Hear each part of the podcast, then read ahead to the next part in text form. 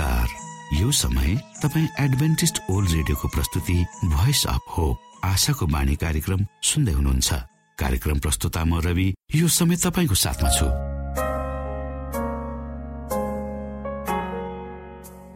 परमेश्वरले भन्नुभएको छ तिमीहरूका कानले सुन्नेछौ बाटो यही हो यसैमा हिँड। श्रोता आशाको बाणी कार्यक्रमले हामीले चुन्नु पर्ने बाटोको विषयमा हामीले हिँड्नु पर्ने बाटोको विषयमा जानकारी गराउने गर्दछ। धेरै धेरै बाटाहरूको बीचमा कुन चाहिँ बाटो रोज्ने भनेर अलमलिएको मनलाई परमेश्वर तर्फ फर्काउन परमेश्वरको सत्यतालाई बुझ्न आशाको बाणी कार्यक्रम नियमित सुन्नुहोस्। तपाईँले सही बाटो सत्य जीवन र प्रभु येशु क्रिस्टलाई भेट्नुहुनेछ। आउनु श्रोता हामी हाम्रो मुख्य कार्यक्रममा जानु अगाडि आज पनि सुन्नेछौ यो मधुर क्रिस्टीय भजन। Thanks.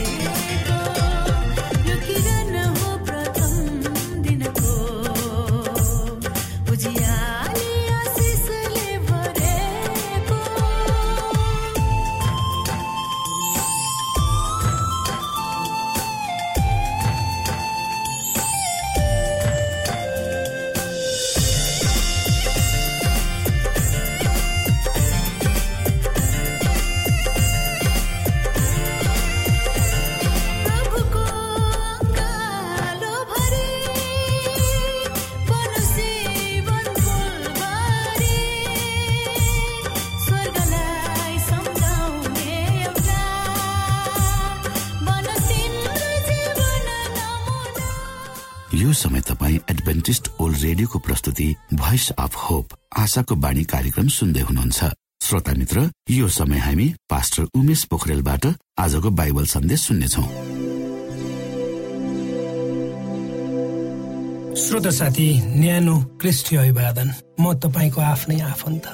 तपाईँले मलाई जे भने पनि हुन्छ। छोरो दाजु भाइ काका मामा नाति म तपाईँको आफ्नै पास्टर उमेश पोखरेल परमेश्वरको वचन लिएर यो समय यो रेडियो कार्यक्रम मार्फत तपाईँहरूको सामु उपस्थित भएको छु।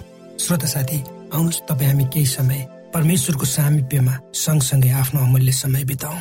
आजको प्रस्तुतिलाई सुरु गर्नुभन्दा पहिले आउनुहोस् हामी परमेश्वरमा अगुवाईको लागि प्रार्थना राख्नेछौँ। जीवी जिउँदो महान दयालु परमेश्वर प्रभु हामी धन्यवादी छौँ। यो जीवन र जीवनमा दिनुभएका प्रशस्त आशिषहरूको लागि। प्रभु यो मेरो जीवनलाई म तपाईँको हातमा राख्दछु। तपाईँले चलाउनुहोस्। विशेष गरेर प्रभु यो रेडियो कार्यक्रमलाई तपाईँको हातमा राख्दछौँ।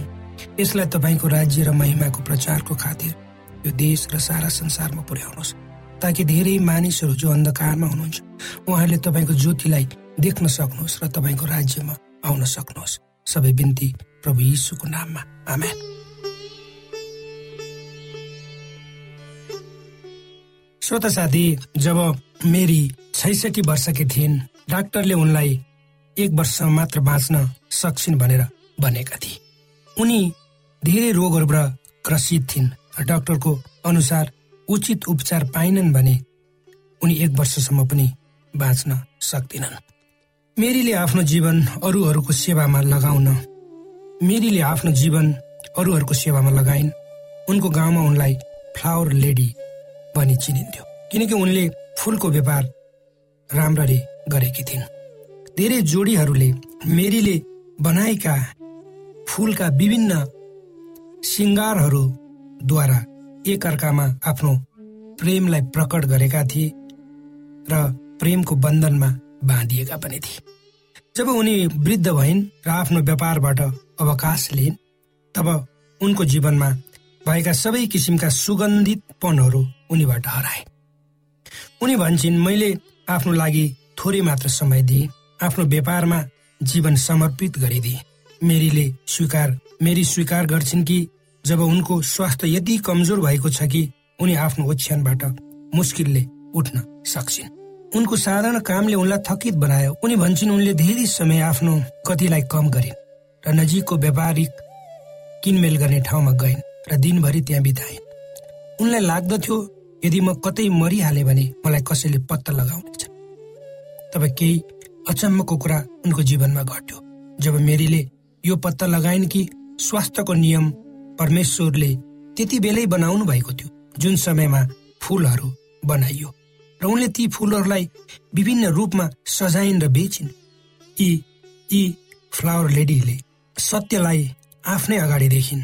धेरै मानिसहरू जसले परमेश्वरको स्वास्थ्य सम्बन्धी नियमलाई ख्याल गर्दैनन् तर मेरीको निम्ति यसको आफ्नै महत्व स्थान छ। श्रोत साथी हामी आदम र हवाले पाप गरेपछि उनीहरूको हृदयमा भएको पीडाको विषयमा कल्पना मात्र गर्न सक्छौ। उनीहरूले जब अदनको बगैँचा छोड्नु पर्ने भयो त्यो अदनको गेटमा उभिएर अन्तिम चोटि आफू बसेको घरलाई हेरेर दुःख मनाउँदा उनीहरूको हृदय कति टोक्रिएको थियो होला। उनीहरूले परमेश्वरको नियम भन्दा आफ्नो इच्छा अनुसार आफ्नो जीवन बिताउने निर्णय गरे। अर्थात् तिनीहरू आफ्नो नाचतिरको बाटोमा आफैले पाइला अगाडि सारे जसले उनीहरूलाई नाचतिर धकेल्यो। जब उनीहरू सृष्टिकर्ताले तयार पार्नु भएको बाटोमा हिँडिरहेका थिए उनीहरू क्यालबारीतिर अगाडि बढ्दै थिए किनकि उनीहरूको आफ्नै निर्णयको कारण उनीहरू अदनको बगैँचाबाट सदाको निम्ति निकालिए र स्वर्गदूतलाई बगैँचाको गेटमा सुरक्षाको निम्ति राखियो। त्यसपछि आदम र हवामा त्यो शक्ति पनि रहेन जसले संसारमा आफ्नो अधिकार राख्न सक्थ्यो। उनीहरूलाई महत्वपूर्ण जिम्मेवारी दिएको थियो ताकि उनीहरूले परमेश्वरको सृष्टिको संरक्षण गर्नुपर्ने थियो। तर शैतानको बहकावमा लागेर उनीहरूले आफ्नो हृदयमा परमेश्वरलाई निकाले। तब उनीहरूलाई स्वास्थ्य सम्बन्धी नियमहरूको आधारमा जिउन भनिएको थियो। यदि ती नियमहरू उनीहरूले पालन गरेका भए उनीहरूको स्वास्थ्य राम्रो हुने थियो र धेरै वर्षसम्म बाँच्ने थिए। जति बाँच्ने थिए उनीहरू आफ्नो जीवनमा आनन्दपूर्वक जिउने थिए। श्रोत साथी तर परमेश्वरले हार खानु भएन। एउटा असल बाबुआमाले झै उहाँ आफूलाई छोडेर गएका सन्तानसँग नजिक बस्न चाहनुहुन्छ वा नजिक हुन चाहनुहुन्छ। उहाँले तिनीहरूको जीवनमा आफ्नो प्रेम खनाउनु भयो यद्यपि उहाँको उपस्थितिलाई पूर्ण रूपले धेरैले स्वीकार गरेनन् र उहाँको प्रेमलाई पनि कदर गरिएन। तर उहाँ आफ्ना सन्तानसँग सधैँ हुन चाहनुहुन्छ। मानवीय भोक वा चाहनाले जनावरको मासुमा चाख लियो। सृष्टिकर्तालाई थाहा थियो मांसाहारी भोजन उहाँका सन्तानहरूको निम्ति होइन। तर पनि जल प्रलयपछि परमेश्वरले नुहालाई भन्नुभयो जीवित जीवात सबै तिमीहरूका निम्ति आहारा हुनेछन्। मैले हरिया वनस्पति तिमीहरूलाई दिए झै सबै थोक म तिमीहरूलाई दिन्छु। त्यसपछि उहाँले चेतावनी पूर्वक भन्नुभयो तर मासु र त्यसको प्राण दिने रगत समेत नखाओ। पुस्तौँ पुस्तापछि परमेश्वरका जनहरू इसरायलीहरू इजिप्टियन इजिप्टको मरुभूमिमा सङ्घर्ष गरिरहेको परमेश्वरले देख्नुभयो। र उनीहरूको आहारामा पनि आहारा पनि सकिँदै गएको उहाँले देख्नुभयो। तब परमेश्वरले मोसालाई भन्नुभयो म तिमीहरूका निम्ति स्वर्गबाट रोटी वर्षाउने छु मानिसहरूले दिनहुँ बाहिर गएर एक दिनको हिस्सा बटुलुन्। पवित्र धर्मशास्त्र बाइबलले उक्त रोटीलाई मन्न भनी भन्दछ। जुन धनिया जस्तो सेतो थियो र त्यसको स्वाद चाहिँ महमा बनाइएको बाबर जस्तो थियो। दुर्भाग्य बस्ने भनौँ मानवीय स्वभाव प्रतिदिन मन्न खाँदा खाँदा वाक्क भयो। मानिसहरू अगाए र गन गनाउन थाले। अर्थात् इसरायलीहरूको गनगन परमप्रभु कानसम्म पुग्यो। मानिसहरूले भने हामीले मिश्र देशमा सित्तैमा खान पाएका माछा हामी सम्झन्छौ। अनि काँक्रा खरबुजा छ्यापीहरू प्याज र लसुनहरू पनि। तर अब त हाम्रो लागि रुचि हराइएको छ। यो मन्न छोडी अरू केही कुरा देखिँदैन। त्यसपछि परमेश्वरले आफ्नो नियममा अलिकति परिवर्तन गर्नुभयो। र परमप्रभुले ठुलो बतास समुद्रबाट चलाउनु भयो र त्यो बतासले बट्टाई चराहरू ल्यायो र छाउनीको इसरायलीहरू जुन छाउनी हालेर बसेका थिए त्यो छाउनीको वरिपरि एक दिनको बाटोभरि जमिनमा दुई हात बाक्लो हुने गरी ती बसे। मानिसहरूले त्यस दिनभरि रातभरि भोलिपल्ट दिनभरि पनि ती समाते। थोरै भन्दा थोरै बटुल्नेले पनि पच्चिस मुरी बटुले। तिनीहरूले आफ्ना निम्ति छाउनीका चारैतिर ती फिजाए तर मासु तिनीहरूको दाँतमा हुँदा र त्यसलाई चपाउनै नपाउँदा परमप्रभुको कोत ती मानिसहरूमा दन्कियो र उहाँले ती मानिसहरूलाई भयङ्कर विपत्तिले प्रहार गर्नुभयो। त्यसकारण त्यस ठाउँको नाउँ किब्रोत हत्ता वा वा लालचाका चिहानहरू भनेर राखियो। किनकि अरू खानाको लालच गर्ने मानिसहरूलाई त्यही नै तिनीहरूले गाडेका थिए। स्वत साथी मानवको विनाशको क्रम अदनको बगैँचाको गेटबाट सुरु भयो।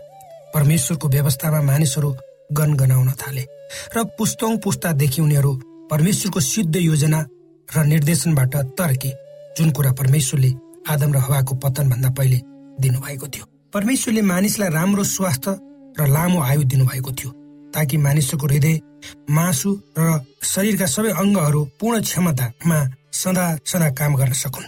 पापले मानिसको विचारमाथि आफ्नो पकड नजमाएसम्म रोग त्यहाँ थिएन। तर जब मानिसले परमेश्वरको योजनामा नभई आफ्नै योजनामा चल्ने निर्णय गर्यो तब मानिसको खानपानमा परिवर्तन भयो र त्यसको परिणाम विभिन्न रोगले मानिसलाई गाँच्दै गयो।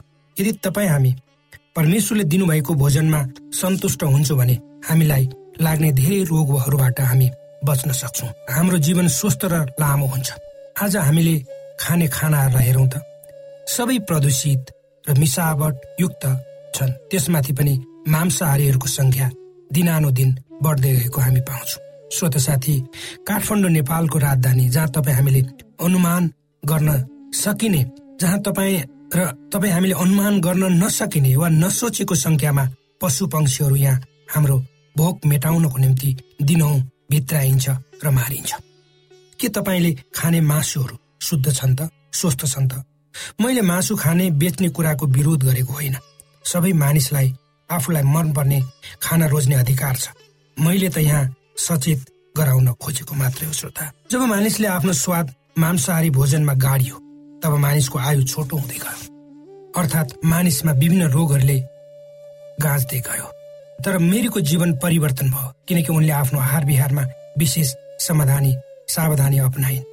जुन महिलालाई डाक्टरले एक वर्ष मात्र बाँच्न सक्छ भनी भनेका थिए त्यही महिला पाँच वर्षपछि आफ्नो मोटरसाइकल दौडाएर आफ्नो मोटरसाइकल असी किलोमिटर प्रति घन्टाको वेगमा चलाएर हिँड्न सक्छिन्।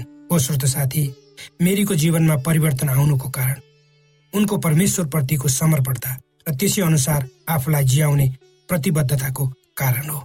यी वचनहरूले तपाईँलाई आशिष दिनुहोस् र तपाईँ कसरी स्वस्थ रहनुपर्छ त्यो कुरो पनि तपाईँलाई परमेश्वरले बुझाइदिनुहोस्।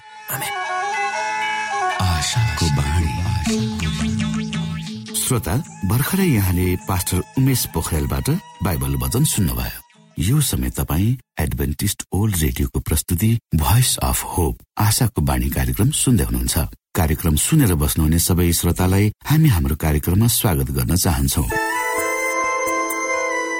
श्रोता मित्र यदि तपाईँ जीवनदेखि हरेस खानु भएको छ तपाईँका जीवनमा धेरै अनुत्तरित प्रश्नहरू छन् भने आउनुहोस् हामी तपाईँलाई परमेश्वरको ज्योतिमा डोहोऱ्याउन चाहन्छौँ। र तपाईँ आफ्नो जीवनका चिन्ता फिक्रीबाट निश्चिन्त हुनुहोस् र बाँच्नुको आनन्द परमेश्वरको सामिप्यमा कति मिठो हुन्छ त्यो चाख्नुहोस् भनी हामी चाहन्छौँ। श्रोता यदि तपाईँ आशाको बाणी कार्यक्रमलाई अनलाइन सुन्न चाहनुहुन्छ वा डाउनलोड गर्न चाहनुहुन्छ भने डट ओआरजीमा जानुहोस्। त्यहाँ तपाईँले प्रत्येक दिनको कार्यक्रम सुन्न र डाउनलोड गर्न सक्नुहुनेछ। हाम्रो वेब पेज यस प्रकार छ डब्लु डब्लु डब्लु डट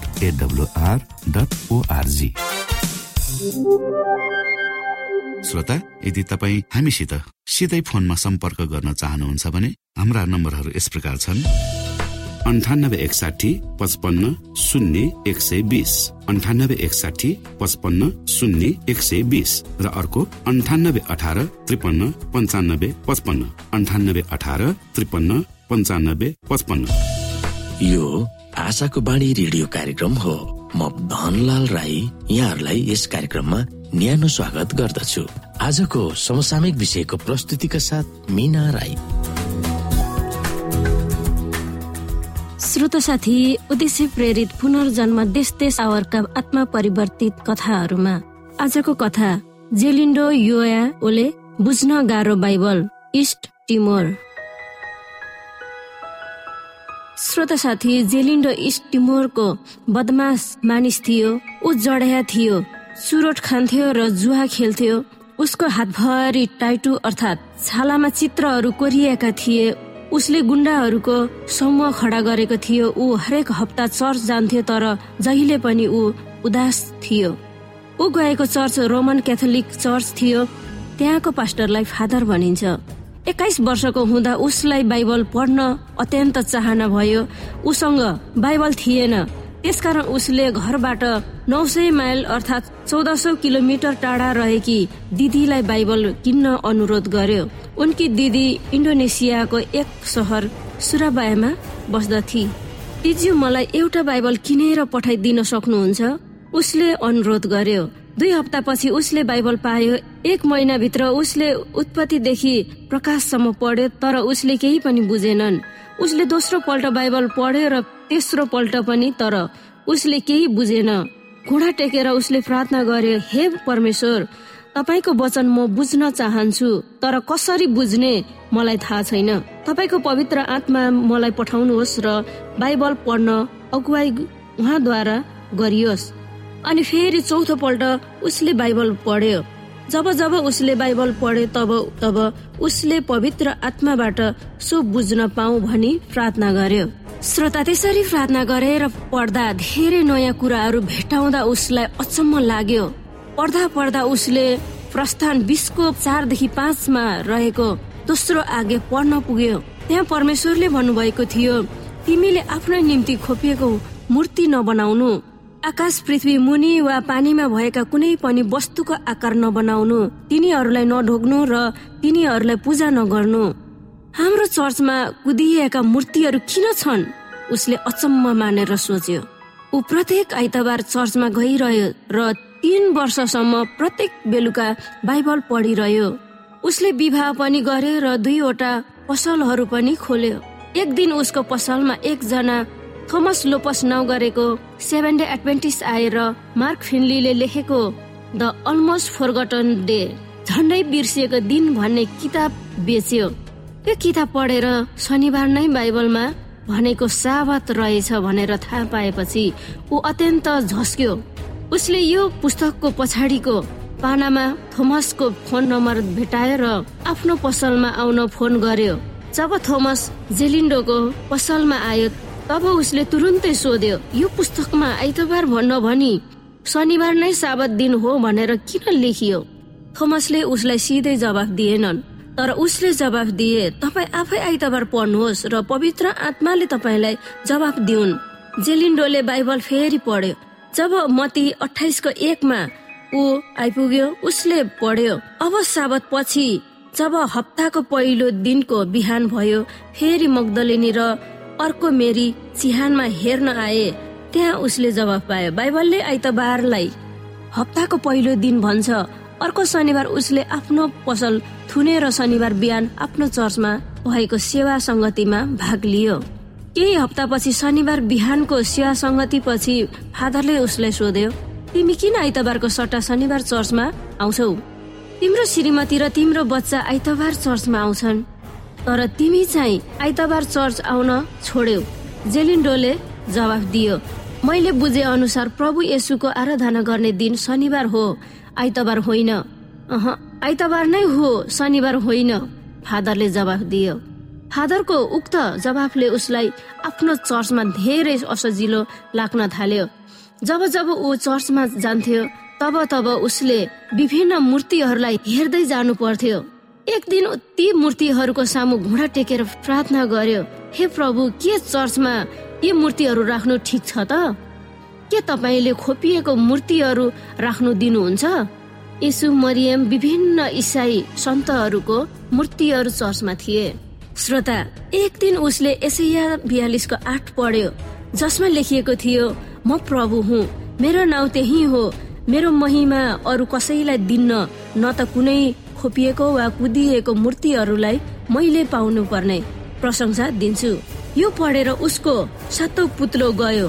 कुनै पनि मूर्ति बनाएर पूजा गर्नु परमेश्वरले मनाई गर्नु भएको उसले महसुस गर्यो र ती मूर्तिहरूलाई पूजा नगर्ने निर्णय उसले गर्यो। फादरलाई टेलिफोन गरेर उसले सोध्यो मलाई तपाईँले सहयोग गर्नुहोस्।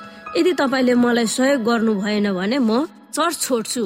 मेरो घरमा एक पटक आउनुहोस्। जब फादर उसको घरमा आए तब चेलिन्डोले चर्चमा भएका मूर्तिहरू र साबतको बारेमा धेरै प्रश्नहरू उसलाई सोध्यो। भाइ विश्वास मात्रै गर्नु।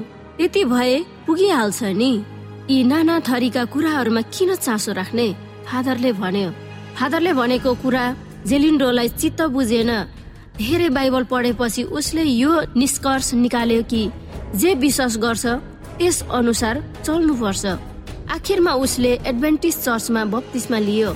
श्रोता साथी चार वर्षपछि जेलिन्डो इस्ट टिमोरको महत्वपूर्ण चर्चको सदस्य भइरहेको छ। उसको कारणले धेरै मानिसहरूले यसुलाई विश्वास गरे।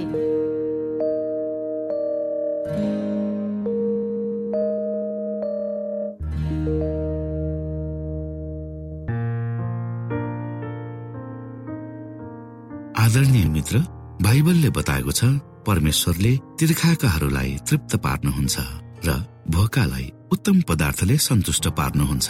हामीलाई दिइएको यो छोटो समय आशाको बाणीको प्रस्तुतिको समयमा हामीले हाम्रा श्रोताको आत्मिक भोकलाई केही मात्रामा भए तापनि सही प्रकारको खोराक पस्केर आत्मिक सन्तुष्टि दिन सकेका छौँ केही ऊर्जा थप्न सकेका छौँ भनेर हामीले आशा राखेका छौँ।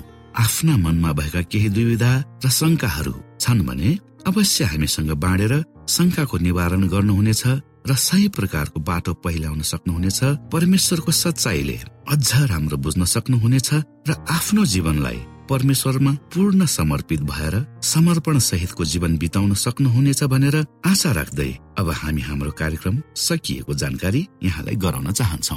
जानुभन्दा अगाडि श्रोता हामी यहाँलाई हाम्रो ठेगानाको विषयमा जानकारी गरौं। हामीसँग पत्राचार गर्ने हाम्रो ठेगाना यस प्रकार छ। आशाको बाणी पोस्ट बक्स नम्बर दुई शून्य शून्य शून्य दुई काठमाडौँ नेपाल। आशाको बाणी पोस्ट बक्स नम्बर दुई शून्य शून्य शून्य दुई काठमाडौँ नेपाल। यसै गरी श्रोता यदि तपाईँ हामीसँग सिधै कुराकानी गर्न चाहनुहुन्छ भने हाम्रो फोन नम्बर यस प्रकार छ अन्ठानब्बे एकसाठी पचपन्न शून्य एक सय बिस। अन्ठानब्बे एकसाठी पचपन्न शून्य एक सय बिस। र अर्को अन्ठानब्बे अठार त्रिपन्न पन्चानब्बे पचपन्न। अन्ठानब्बे अठार त्रिपन्न पन्चानब्बे पचपन्न। हामीलाई इमेल पनि गर्न सक्नुहुन्छ। हाम्रो इमेल एड्रेस यस प्रकार छ Nepal at AWR dot org Nepal at AWR dot org यदि तपाईँ हामीलाई अनलाइन सुन्न चाहनुहुन्छ वा डाउनलोड गर्न चाहनुहुन्छ भने तपाईँ W W W dot AWR dot ओआरजीमा जानुहोस् र त्यहाँ तपाईँले हाम्रा सबै कार्यक्रमहरू सुन्न सक्नुहुनेछ। हाम्रो वेब पेज यस प्रकार छ ओआरजी श्रोता यसमा गएर तपाईँले हाम्रा दैनिक कार्यक्रमलाई सुन्न सक्नुहुनेछ र डाउनलोड पनि गर्न सक्नुहुनेछ। हवस् त श्रोता हाम्रो कार्यक्रम सुनिदिनु भएकोमा एकचोटि फेरि यहाँलाई धन्यवाद दिँदै भोलि फेरि यही स्टेशन यही समयमा यहाँसँग भेट्ने आशा राख्दै प्राविधिक साथी राजेश पास्टर उमेश पोखरेल र कार्यक्रम प्रस्तुता म रवि यहाँसँग विदा माग्दछौ।